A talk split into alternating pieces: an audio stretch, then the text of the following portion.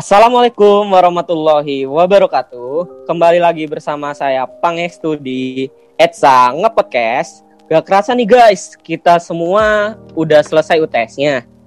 Gimana kemarin kalian? Lancar semua kan ya?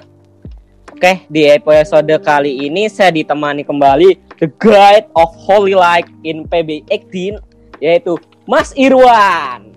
Yeay. Oke, assalamualaikum warahmatullahi wabarakatuh. Um, Waalaikumsalam warahmatullahi Pada para wabarakatuh. pendengar. BTW itu gelar apa ya, Pang? Holy of Light in PBI 18. Hei, karena Anda itu sebagai suri teladan anak-anak PBI khususnya cowok, Waduh. Anda itu harus mendapatkan gelar seperti para Habib setidaknya. Oke, nggak apa-apa lah ya. Oke, oke. Gimana nih, Pang? Kemarin UTS lancar kan? Alhamdulillah lancar, tapi ya ada beberapa sih mata kuliah yang kayak ih iki saja nih kuliah opo, pertanyaannya opo, UTS opo, ngono loh. Bingung. Oke lah ya, kita forget it about UTS. Iya. Mungkin eh, episode kali ini kita bakalan bahas apa nih, Bang? Dan guest starnya itu kira-kira siapa? Oke, untuk podcast kali ini sesuai dengan clue di episode kemarin ya, kita bakalan dibintang tamu oleh Miss Intan, salah satu dosen di PBI UI yang mengajarkan kita tentang mata kuliah riset sendiri dan membahas tentang studi riset di episode kali ini. Oh, oke. Dan Nah, kenalin. em, Miss Intan ini eh, beliau sudah anggap kalau di game itu pro player ya, Bang ya. GG Udah. well play. GG well play Iya, terhadap riset gitu kan. Sudah uh, mempublish beberapa risetnya di reputable journals Yep. yang yang reliable. Nah, sebelum ke topik utama, eh, mau nanya dulu nih kepada Miss Intan. Assalamualaikum, Miss Intan. Waalaikumsalam, Irwan, Pangestu. Sehat? Hai, alhamdulillah. bagaimana kabarnya nih, Miss? Sehat, Alhamdulillah. Sering ketemu kalian online tuh, jadi sehat. Iya, iya. Iya iya, bisa bisa. Terus eh, bagaimana di semester kali ini itu kan eh, online, full online. Terus gimana eh, ya kesan kesan kesannya gitu loh kepada Iya. mahasiswa-mahasiswa yang diajar secara online ini gitu. Ya, jadi kalau semester ini kan Miss Intan ngajarnya mata kuliahnya riset sama bimbingan skripsi ya. Jadi riset semua sih tuh Hmm. honest. Cuma Iya. yang paling challenging itu karena belum pernah ketemu langsung nih, terutama yang sama angkatan 2018. Sekalinya ketemu satu angkatan online gitu. Jadi kayak kalau apa belum belum kenal gitu. Jadi kalau mau ngasih as- assisting gitu, jadi approach-nya Miss Intan kan kalau ngajar nggak cuma teach ya. Teaching is not only delivering the material tapi juga listening to Hmm. what the students needs gitu. Jadi Iya, kayak, ya udah deh, ya udah deh kita bimbingannya ini deh konsulnya malam gitu kadang kalau kalian mau gitu. Jadi aduh Hmm. ya Allah, ya itu apa? Mudah-mudahan kaliannya juga semangat ya dapat berkah deh. Mudah-mudahan belajarnya. Oke. begitu ya Miss sumpah ya kayak emang sih kuliah online tuh ya dibilang ribet bisa dibilang ribet iya dibilang enak bisa dibilang enak iya tapi emang sih bener tadi kayak kata Miss teaching is not only apa tadi Delivering. delivering the material tapi kan uh, listening what student needs Mm-mm. itu Nah. juga kata-kata sesuatu yang pernah saya dengar di mata kuliah semester kemarin tuh. Oh iya ya. Iya, ada. Tapi emang sih kalau kita tuh ngajar ya nggak harus nggak ngajar doang kayak dateng ngajar gitu kan. Ya tapi ya harus tahu student tuh butuhnya apa sih siapa gitu. Jadi kayak mental healthy dia juga Yes. terkontrol Terjaga sama gitu kita, terjaga gitu. moodnya dia mungkin ada yang nugas malam gitu kan siapa tahu ada yang mau nongkrong sama Miss Intan di Burjo gitu kan. Iya ya, dan coronanya berakhir nih, jadi bisa biasanya kalau pas face to face, uh, Rida itu nggak selalu di kelas. Jadi kadang kita Hmm. emang main gitu, kita ke apa? ke lembaga penelitian, kita studi banding gitu, sewa bis Nah itu tuh yang nggak ada di kita ya kayaknya. iya nggak bisa Ah. jadi pas online. Iya gitu. siapa tahu di ini kan bisa di Gramedia atau nanti Nggak di media juga dong di sekolah. Kita kan lapangannya pendidikan. ya Gramedia ada buku pendidikan ada buku kan tidak salah loh bisa, bisa. Depannya Gramet itu Togamas. Buku juga. iya kan ada perpustakaan kan di situ ya Miss Mm-mm, belakangnya ya. Ma atau di Ambaruk Momol di CM gitu kan itu itu bukan ke lapangan namanya Pak. Itu lebih ke shopping. melakukan research lah iming-imingnya melakukan research oke lanjut ya ini ya. ke tema utama. Aku mau nanya ini, Miss. Aku ada tiga pertanyaan tentang studi research. Mm. Nah, Buat yang belum tahu nih, para pendengar, studi research tuh dibagi berapa macam sih, Miss? Hmm, itu Hmm. penting tuh. Oh, Ya. iya. Jadi riset itu sebenarnya udah kita lakukan setiap hari. Uh, cuma kalau misal metodenya itu kalau yang berlaku secara internasional dan diakui itu ada dua. Ada kuantitatif sama kualitatif. Nah, tapi kadang ada nih uh, pertanyaan riset yang nggak bisa dijawab hanya dengan kuanti atau kuali aja. Nah, di situ lahirlah namanya mix method kayak gitu. Oh iya iya. Oh iya iya iya. Kalau yang ke laboratorium laboratorium kayak di DVTP gitu Miss itu apa ya Miss? Ya, Iya jadi. Riset juga kan? Ya, jadi kalau eh, laboratorium itu adalah tempat untuk mengumpulkan data dan menganalisis data. Nah, Hmm. Jadi eh, misal gini, kalau kita anak pendidikan bahasa Inggris ya, kita punya laboratorium micro teaching sama laboratorium bahasa. Ya udah, berarti di lab itulah kita akan dapat data-data. Misalnya micro teaching gitu. Gimana sih cara ngajar yang baik? Terus kita ngerekam, terus lihat cara orang ngajar. Nah, itu kita mengobservasi itu berarti kualitatif. Nah, tapi kalau Oke.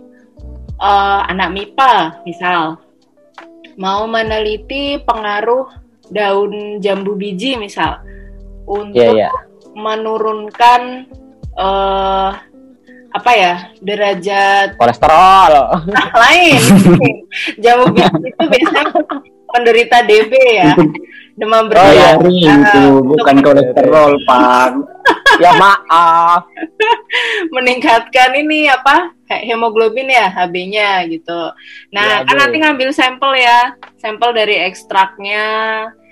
Nah, itu kan ngambil ekstrak Klorofil. lain. Bijinya itu, itu kan pakai satuan tuh, berapa miligram, berapa liter misalnya airnya. Nah, itu berarti kuanti. Jadi gampangannya gini, kalau kalian itu ngambil datanya pakai satuan, pakai satuan apa pun, eh, satuan yang 1, 2, 3, 4, 5, atau Hmm. satuan yang ada kilogram, ada kilometer, nah itu berarti nanti deket ke kuantitatif. Hmm, Tapi kalau kalian itu eh, penelitiannya, datanya itu tidak terbatas. Kayak pendapat orang, persepsi orang, wah itu kan nggak bisa dihitung pakai satuan kan? Berarti itu Iya. kualitatif ya, kayak gitu. Berarti nanti kualitatif. Gitu. Hmm, Sebenarnya lebih sering kuali loh kita tuh. Cowok-cowok iya sih. Kalau kalian lagi PDKT misalnya, sama cowok. Waduh, gimana tuh? Waduh, waduh. Mohon dijabarkan juga, dan Bang. dielaborasi dan berikanlah contoh-contohnya. Iya kan?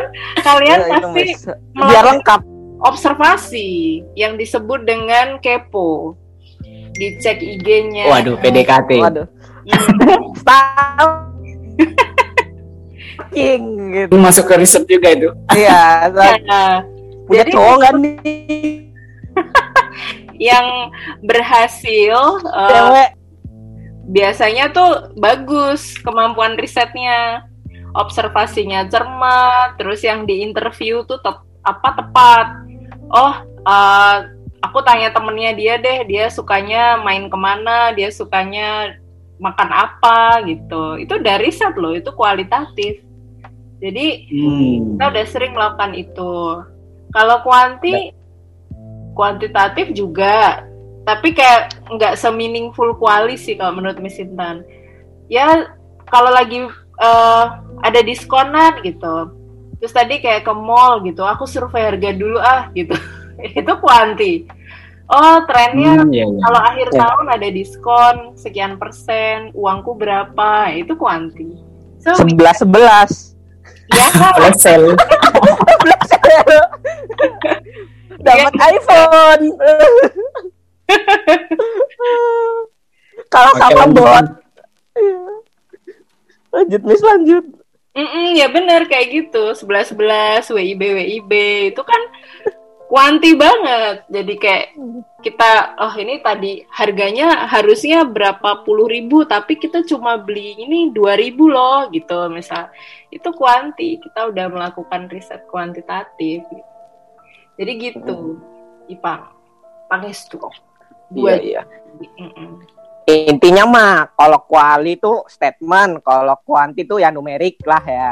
Mm-mm. mudahnya mah. ya bener Terus pertanyaan kedua nih, Miss. ya Apa aja sih syarat khusus buat bikin research gitu loh? Ada syarat khususnya nggak? Gitu.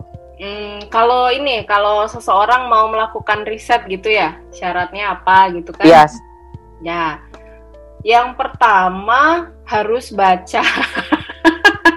Sorry nih harus Ini baca. agak berat. Ya misal, eh, misalnya nih ya kita mau beli barang misalnya, beli laptop atau beli handphone, pasti kita nyari reviewnya dulu kan? iya, iya. Kayak Gadgetin. ah iPhone 12 apa iPhone 11 misalnya kayak gitu. Nah, sama riset itu biasanya kita dari membaca terus baru kita muncul pertanyaan gitu. Oh, ini gimana ya? Hmm, iya, iya. Membaca lapangan juga masuk gak? Yes, itu juga bisa. Jadi kayak nyari fenomena gitu. Membaca nggak cuma baca teks, membaca situasi, membaca berita, mengikuti perkembangan itu salah satu ciri utama eh, peneliti. Syarat dan cirinya peneliti gitu. Eh, suka mengobservasi. Berarti Romi Rafael itu ini dong, Miss, apa? Kan dia bisa membaca pikiran. Hipnosis, Bang. Itu hipnosis. Kobuser, terus Bukan lagi riset gitu? itu, Bang. Ih, kalau yang lebih deket ke researcher ya kalau pesulap tuh Deddy Kobusier. Dia pinter Iya banget sih. baca baca situasi terus dia undang, dia wawancara, nah gitu. Cuman nggak ditulis aja berarti sama dia ya, Miss. ya itu luaran kan, luaran riset. Hmm. Jadi riset Hmm. itu sendiri tuh proses kita eh, tadi kan ya kita baca, kita dapat fenomena, terus kita bertanya nih kan mulai oh aku mau mau inilah mau cari tahu misalnya kayak eh, Irwan gitu, gimana sih muatan kognitifnya buku ajar gitu. Eh, atau Irwan riset juga apa sih makanan kesukaannya eh, cewek idola aku misalnya kayak gitu. Jadi kalau udah dapet pertanyaannya kan kita terus nyari kan. Ya udah nanti kita mengumpulkan data terus menganalisis. Cuma kalau masih S1 kan posisinya novice ya, masih peneliti pemula. Jadi emang disarankan punya mentor atau punya pendamping lah gitu. Bisa kakak tingkat, bisa dosen, bisa alumni kayak gitu. Gitu Pangestu. Oke oke. Paham paham saya paham. Kalau nih buat pertanyaan om apa apa? yang itu tadi eh Deddy Kobusher ya. Nah, jadi Iya. kalau kalau kita udah melakukan rangkaian riset itu yang kayak bikin pertanyaan, terus ngambil data, terus dianalisis. Nah, itu udah selesai tuh eh, Ipang sama Irwan. Posisi risetnya selesai. Hmm. Nah, gimana nih cara mempublikasikan hasilnya gitu? Nah, kalau eh, di Indonesia tuh entah kenapa riset itu harus selalu ditulis gitu, harus Hmm. selalu di jurnal-jurnal gitu. Jadi kan ini banget ya, eh, Formal. iya formal Formal. banget. Nah, akademik kalau Oh, akademik banget. Kalau kalian eh, pernah ikut tes IELTS gitu, jadi sebenarnya hasil riset itu bisa dipublikasikan dalam bentuk podcast, dalam bentuk Hmm. YouTube, dalam bentuk Oh. iya bisa. Jadi nggak melulu harus harus apa jurnal gitu. Apalagi novice ya yang masih pemula itu boleh banget eh, sekedar apa ya summary kemudian talks kayak kita nge-podcast gini tuh boleh boleh banget. Hmm, hmm, hmm, hmm. Ya begitulah. Jadi bisa apa aja kalau luarannya. Berarti sekarang ini sedang melakukan research. kalau dosen nggak boleh berhenti. Nggak boleh berhenti riset. Kalau di bulan ini tuh Miss Intan terlibat di enam riset. Apa aja itu? yang satu sama sama Sir Willy itu tentang multilingual identity. Multilingual identity-nya guru-guru Indonesia yang kerja jadi pengajar di luar negeri.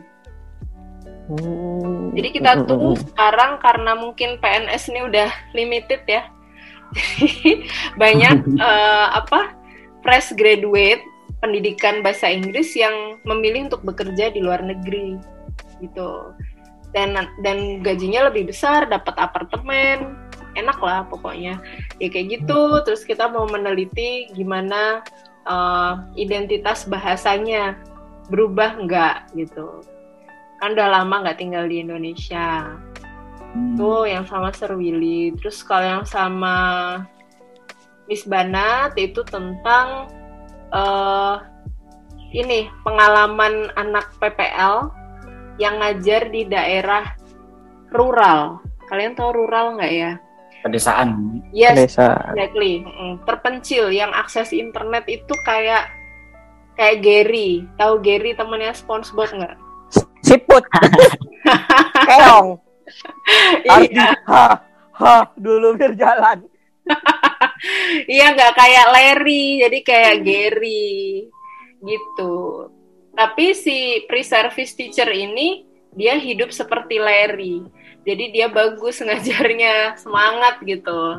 Sampai murid-muridnya tuh pada suka lah, nggak boleh berhenti gitu. Sama Miss Banat. Yang sisanya sama dosen dari luar UII dan ada yang dari luar negeri kayak gitu. Ya kalau kan gitu, Pangestu Irwan, nggak boleh berhenti riset, harus riset terus. Harus riset terus ya mas kalau dosen Mm-mm, mm-mm. Tapi seru sih. Kayak apa ya? Gak, gak, gak pasti ada akademiknya gitu loh. Walaupun kita jadi nggak nggak nggak gabut gitu kalau bahasanya. Ya, nggak boleh gabut, Pangestu.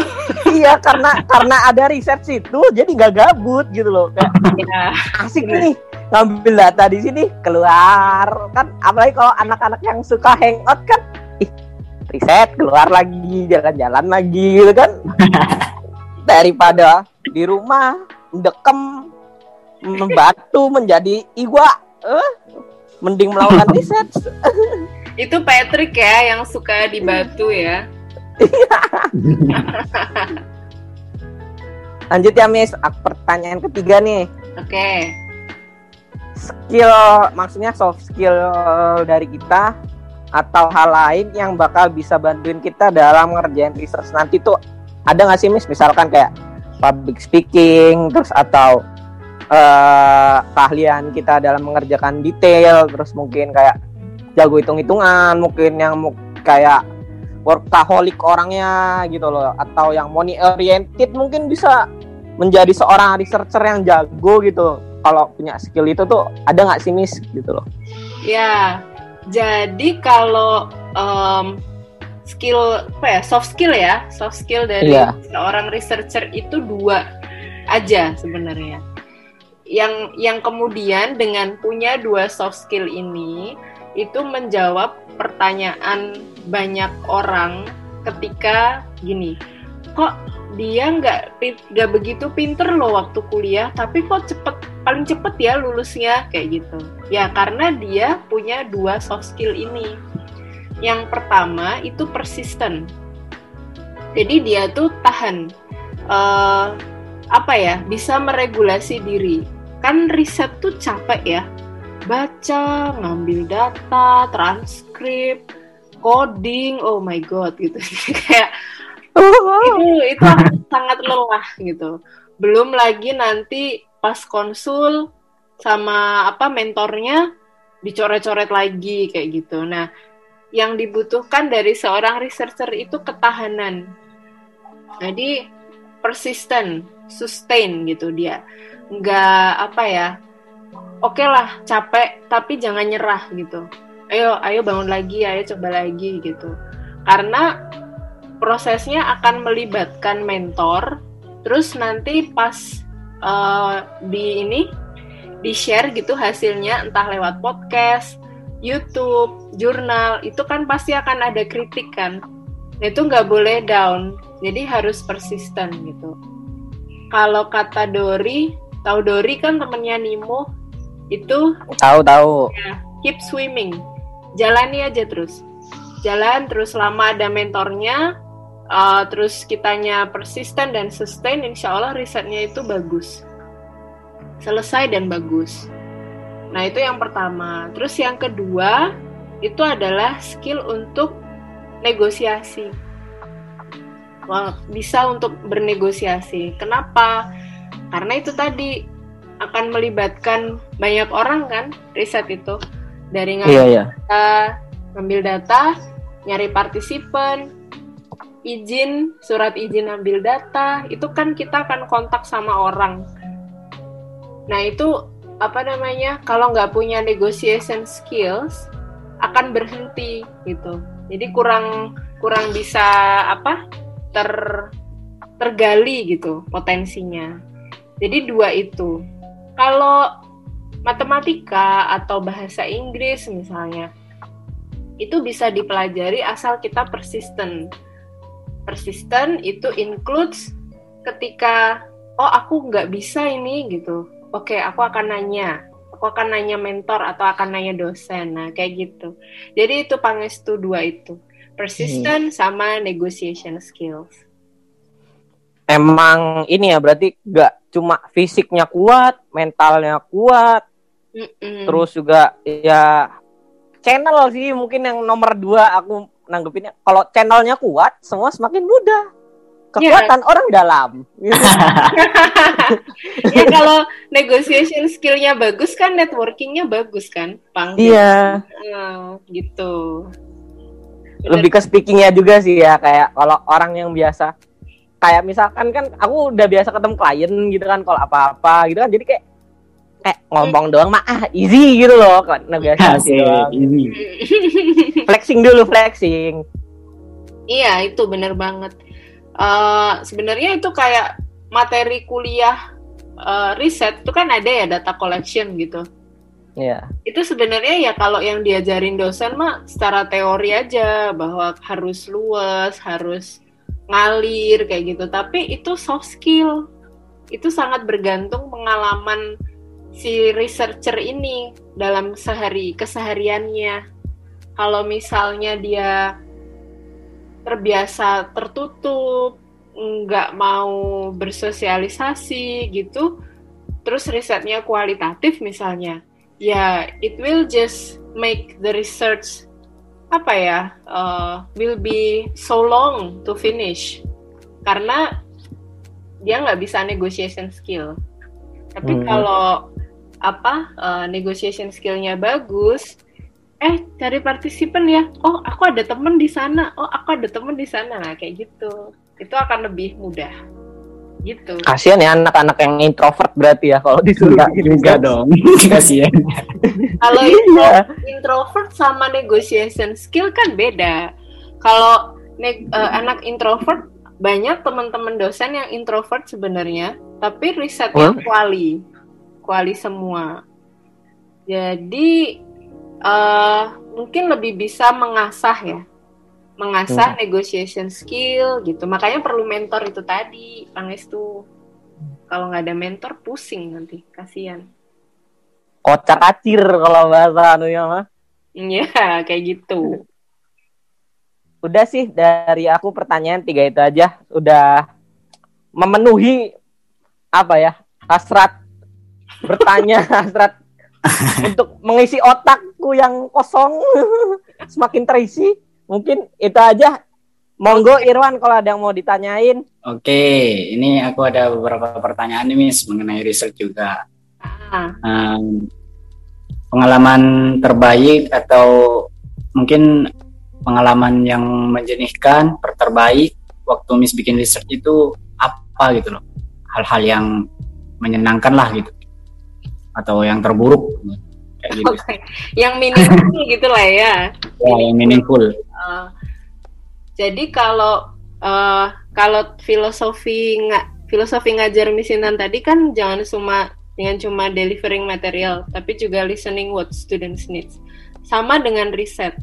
Riset itu harus berguna buat orang lain. Jadi nggak boleh riset cuma karena ada eh ada hibah gitu. Sekian juta gitu. Terus kita riset just for the money. No, gitu. Jadi pengalaman terbaik tentang riset adalah yang riset itu bisa membantu orang banyak gitu. Misalnya, eh jadi ada current research itu waktu itu pemerintah tuh menerapkan eh, pembelajaran berbasis HOTS gitu, higher order thinking. Jadi semuanya harus harus critical thinking. Terus eh, kan kita ada PPL ya. Nah itu Miss Intan ngobrol sama guru-guru pendamping gitu. Gimana Bu kebijakan pemerintah yang baru? Gimana Pak gitu. Terus mereka bilang kami tuh nggak dikasih uh, instrumen penilaiannya Bu gitu. Kita cuma dikasih tahu gimana cara ngajarnya, tapi nggak dikasih tahu gimana cara nilainya gitu. Terus waktu itu uh, Miss Intan sama Miss Ista uh, satu tim gitu kita bikin instrumen penilaian untuk uh, pembelajaran bahasa Inggris yang pakai HOTS gitu. Terus itu kita menang hibah dari apa provinsi, terus kita terapkan ke dua SMA, ke SMA 8 sama SMA Muhammadiyah 2. Dan alhamdulillah instrumen itu masih dipakai sampai sekarang gitu. Jadi kayak wah gitu bisa ngebantu Bapak Ibu guru, bisa meringankan beban mereka gitu. Itu the bestnya. Kalau the worstnya, the worstnya itu waktu ngobrol sama editor jurnal. Hmm, gimana tuh? Jadi editor jurnal ini kan kebanyakan native ya, native speaker. Jadi dari UK, US, Aussie gitu. Uh, nggak semua dari mereka itu ramah dengan penulis dari Asia. Jadi uh, feedback pertama yang Miss Intan dapat itu, we don't have the problem with the content and how you did the research, but the problem is your English gitu. Your mungkin mungkin karena kita bukan native gitu gitu. Ya, gitu. iya You have a very strong EFL voice gitu. Jadi uh, bahasa Inggrisnya Miss Intan itu benar-benar bahasa Inggrisnya orang Asia gitu. Belum sounds bule. Terus mereka bilang, uh, we have two option for you. The first one, you can hire a native English editor or you can submit this manuscript to uh, EFL journals gitu. Mbak jurnal bahasa Inggris tapi yang buat EFL. Tuh, terus hmm. Miss Intan berpikir, "Oh, ini mungkin butuh orang yang pernah kuliah di luar negeri gitu untuk merevisi ini. Terus Miss Intan bawa itu ke teman Miss Intan yang jadi editor jurnal di Cambridge. Terus Wah, waduh. iya tuh dari nongkrong makanya. Terus bagus itu nongkrong supaya dapat temen ya. Udah direvisi tuh sama dia, Miss Intan submit lagi, masih sama komennya. Your English sounds very EFL. Padahal itu udah diperbaiki sama orang yang kuliah di Inggris for quite long time. Tapi orang Indonesia juga. Iya, tapi udah tinggal di sana lima tahun. Kan tetap. Iya. Ya. Udah kebawa sih kayak habitnya ya mungkin ya samper ini. Iya, dan ini editor Cambridge loh. Berarti kan bahasa Inggrisnya udah bagus banget gitu. Mungkin IELTS-nya 9 atau delapan gitu mungkin. Wow. nah terus ya udah uh, Miss Intan masukin ke jurnal IFL kan yang di di suggest nomor dua tadi itu kayak cuma dua kali revisi langsung publish gitu. Jadi hmm, berarti ya yeah, that that's that's quite sad ya. Uh, I mean like English has been widely used around the world. Uh, we have expanding circles yang kalian pelajari kan juga terus ada outer circles tapi it's not enough gitu if you haven't have the voice of native English itu sih jadi kayak ya gitu tapi ya it's fun I mean like uh, ya udahlah yang penting publish dulu gitu jadi peneliti dengan nama-nama Indonesia itu bisa dikenal secara internasional kayak gitu. Oke, okay. berarti ya. ada ada ada senangnya, ada senangnya juga ya, Miss ya? Ya, tapi harus persisten, ya kan? Persisten, ya. Oh, iya. kan udah tadi persisten diajarin. Persisten. Iya. Oke, okay, uh, eh, lanjut nih, Miss. Mm -mm. Terus uh, gimana sih uh, biar riset kita itu bisa diakui secara nasional maupun internasional gitu. Apa sih standarnya gitu? Apa hal-hal apa yang harus kita selesaikan, hal-hal apa yang harus kita capai gitu supaya riset kita bisa menasional gitu ataupun internasional. Mm -hmm. Well, that that's good question. Itu sama aja kayak kalau kita ingat dulu siapa Agnes Monica gitu, aku mau go internasional gitu ya tapi rupanya lebih mudah untuk go internasional atau go nasional sebagai researcher daripada jadi penyanyi. Hmm. Ini uh, misal ada konferensi nasional atau jurnal nasional, kemudian kalian konsisten meneliti satu konstruk atau satu variabel dalam apa ya paling nggak satu tahun tuh satu kali publikasi gitu dengan topik konstruk variabel yang sama uh, kemungkinan besar kalian akan di acknowledge gitu. Jadi kayak kalau di Indonesia ini masih ngejar ayo jumlah publikasinya yang banyak gitu. Ya dosen ya mahasiswa gitu. Tapi kalau di luar, terutama di negara barat, itu sudah acknowledge-nya lebih ke berapa orang yang mensitasi gitu, yang citing our works. Kenapa citation itu menjadi apa tuh tolak ukur yang penting? Karena artinya our research itu berguna gitu. Kalau hmm. semakin banyak yang mensitasi berarti oh risetnya ini berguna gitu. Nah, itu caranya supaya kita go nasional dan go internasional. Kita hmm. bisa mempublikasikan uh, boleh lewat jurnal, boleh lewat podcast, boleh lewat uh, apa konferensi dan kita konsisten gitu meneliti uh, konstruk yang sama. Nanti paling beda settingnya, beda variabelnya kayak gitu. Berarti kalau kita misalkan neliti vocabulary, terus vocabulary, vocabulary, tapi beda-beda variabel gitu ya bisa. Bisa. Jadi kita akan ahli di situ gitu.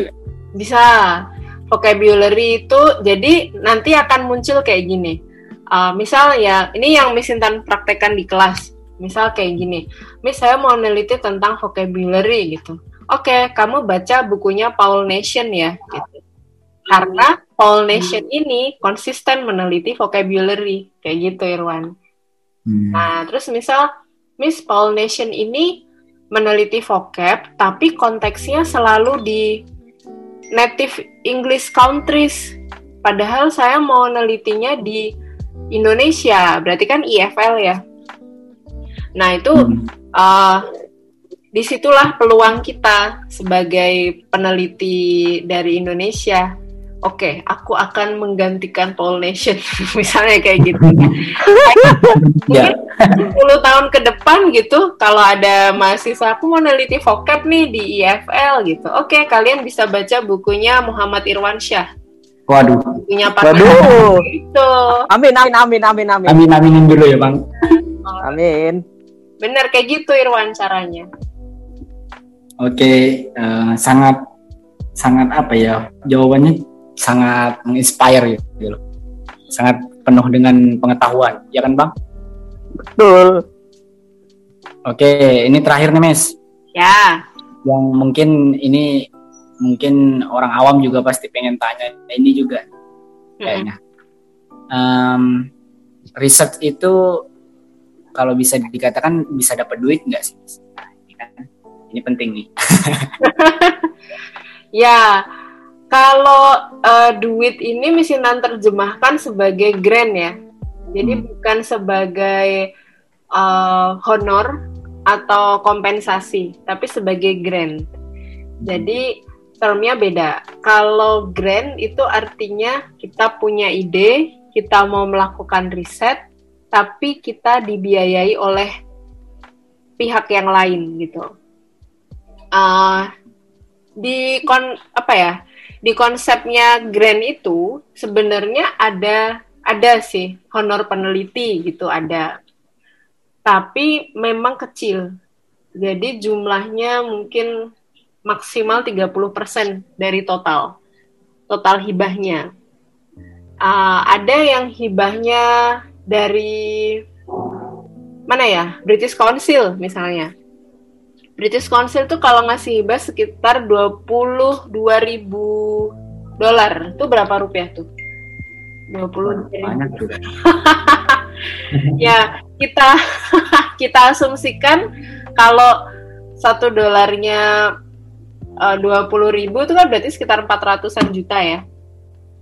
Nah itu nanti peneliti itu boleh dapatnya mungkin sekitar 30 persennya. Gitu. Tapi Jadi lumayan ya. Iya, tapi kecil, tetap kecil itu. Jadi kalau mau make money memang harus jadi pebisnis. Kalau peneliti beda. Terus apa lagi ya? Agang dong kalau mau kaya gitu kan. Iya. Nah, pebisnis biasanya adalah yang ngasih grant. Bukan Oh. yang riset tapi yang ngasih grant. Jadi kayak misal eh Bakri ya. Abu Rizal Bakri itu biasanya Bakri Foundation itu ngasih hibah. Hibah untuk penelitian tapi bidangnya mereka yang tentukan gitu. Kenapa tadi Misintan sebut British Council? Karena kita bidangnya pendidikan kan. Nah, kalau Hmm. pendidikan bahasa Inggris atau pendidikan secara keseluruhan itu yang suka ngasih hibah, grant itu ada British Council, ada Dikti, Kemendikbud ya. Terus ada LIPI, Lembaga Ilmu Pengetahuan Indonesia, dan ada Prodi Kita Tercinta. itu suka Wow. ngasih grant. Nah, Boleh tuh. dan somehow UII juga ya. Jadi UII ini keren sih menurut Miss Intan. Kayak eh, kalian bisa dapat funding untuk konferensi sejauh apa pun. Dulu tuh pernah ada Miss Intan nemenin satu mahasiswa waktu itu ke London tahun 2016. Wow.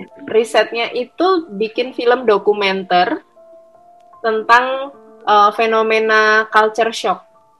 Culture shocknya mahasiswa asing yang ada di Jogja gitu.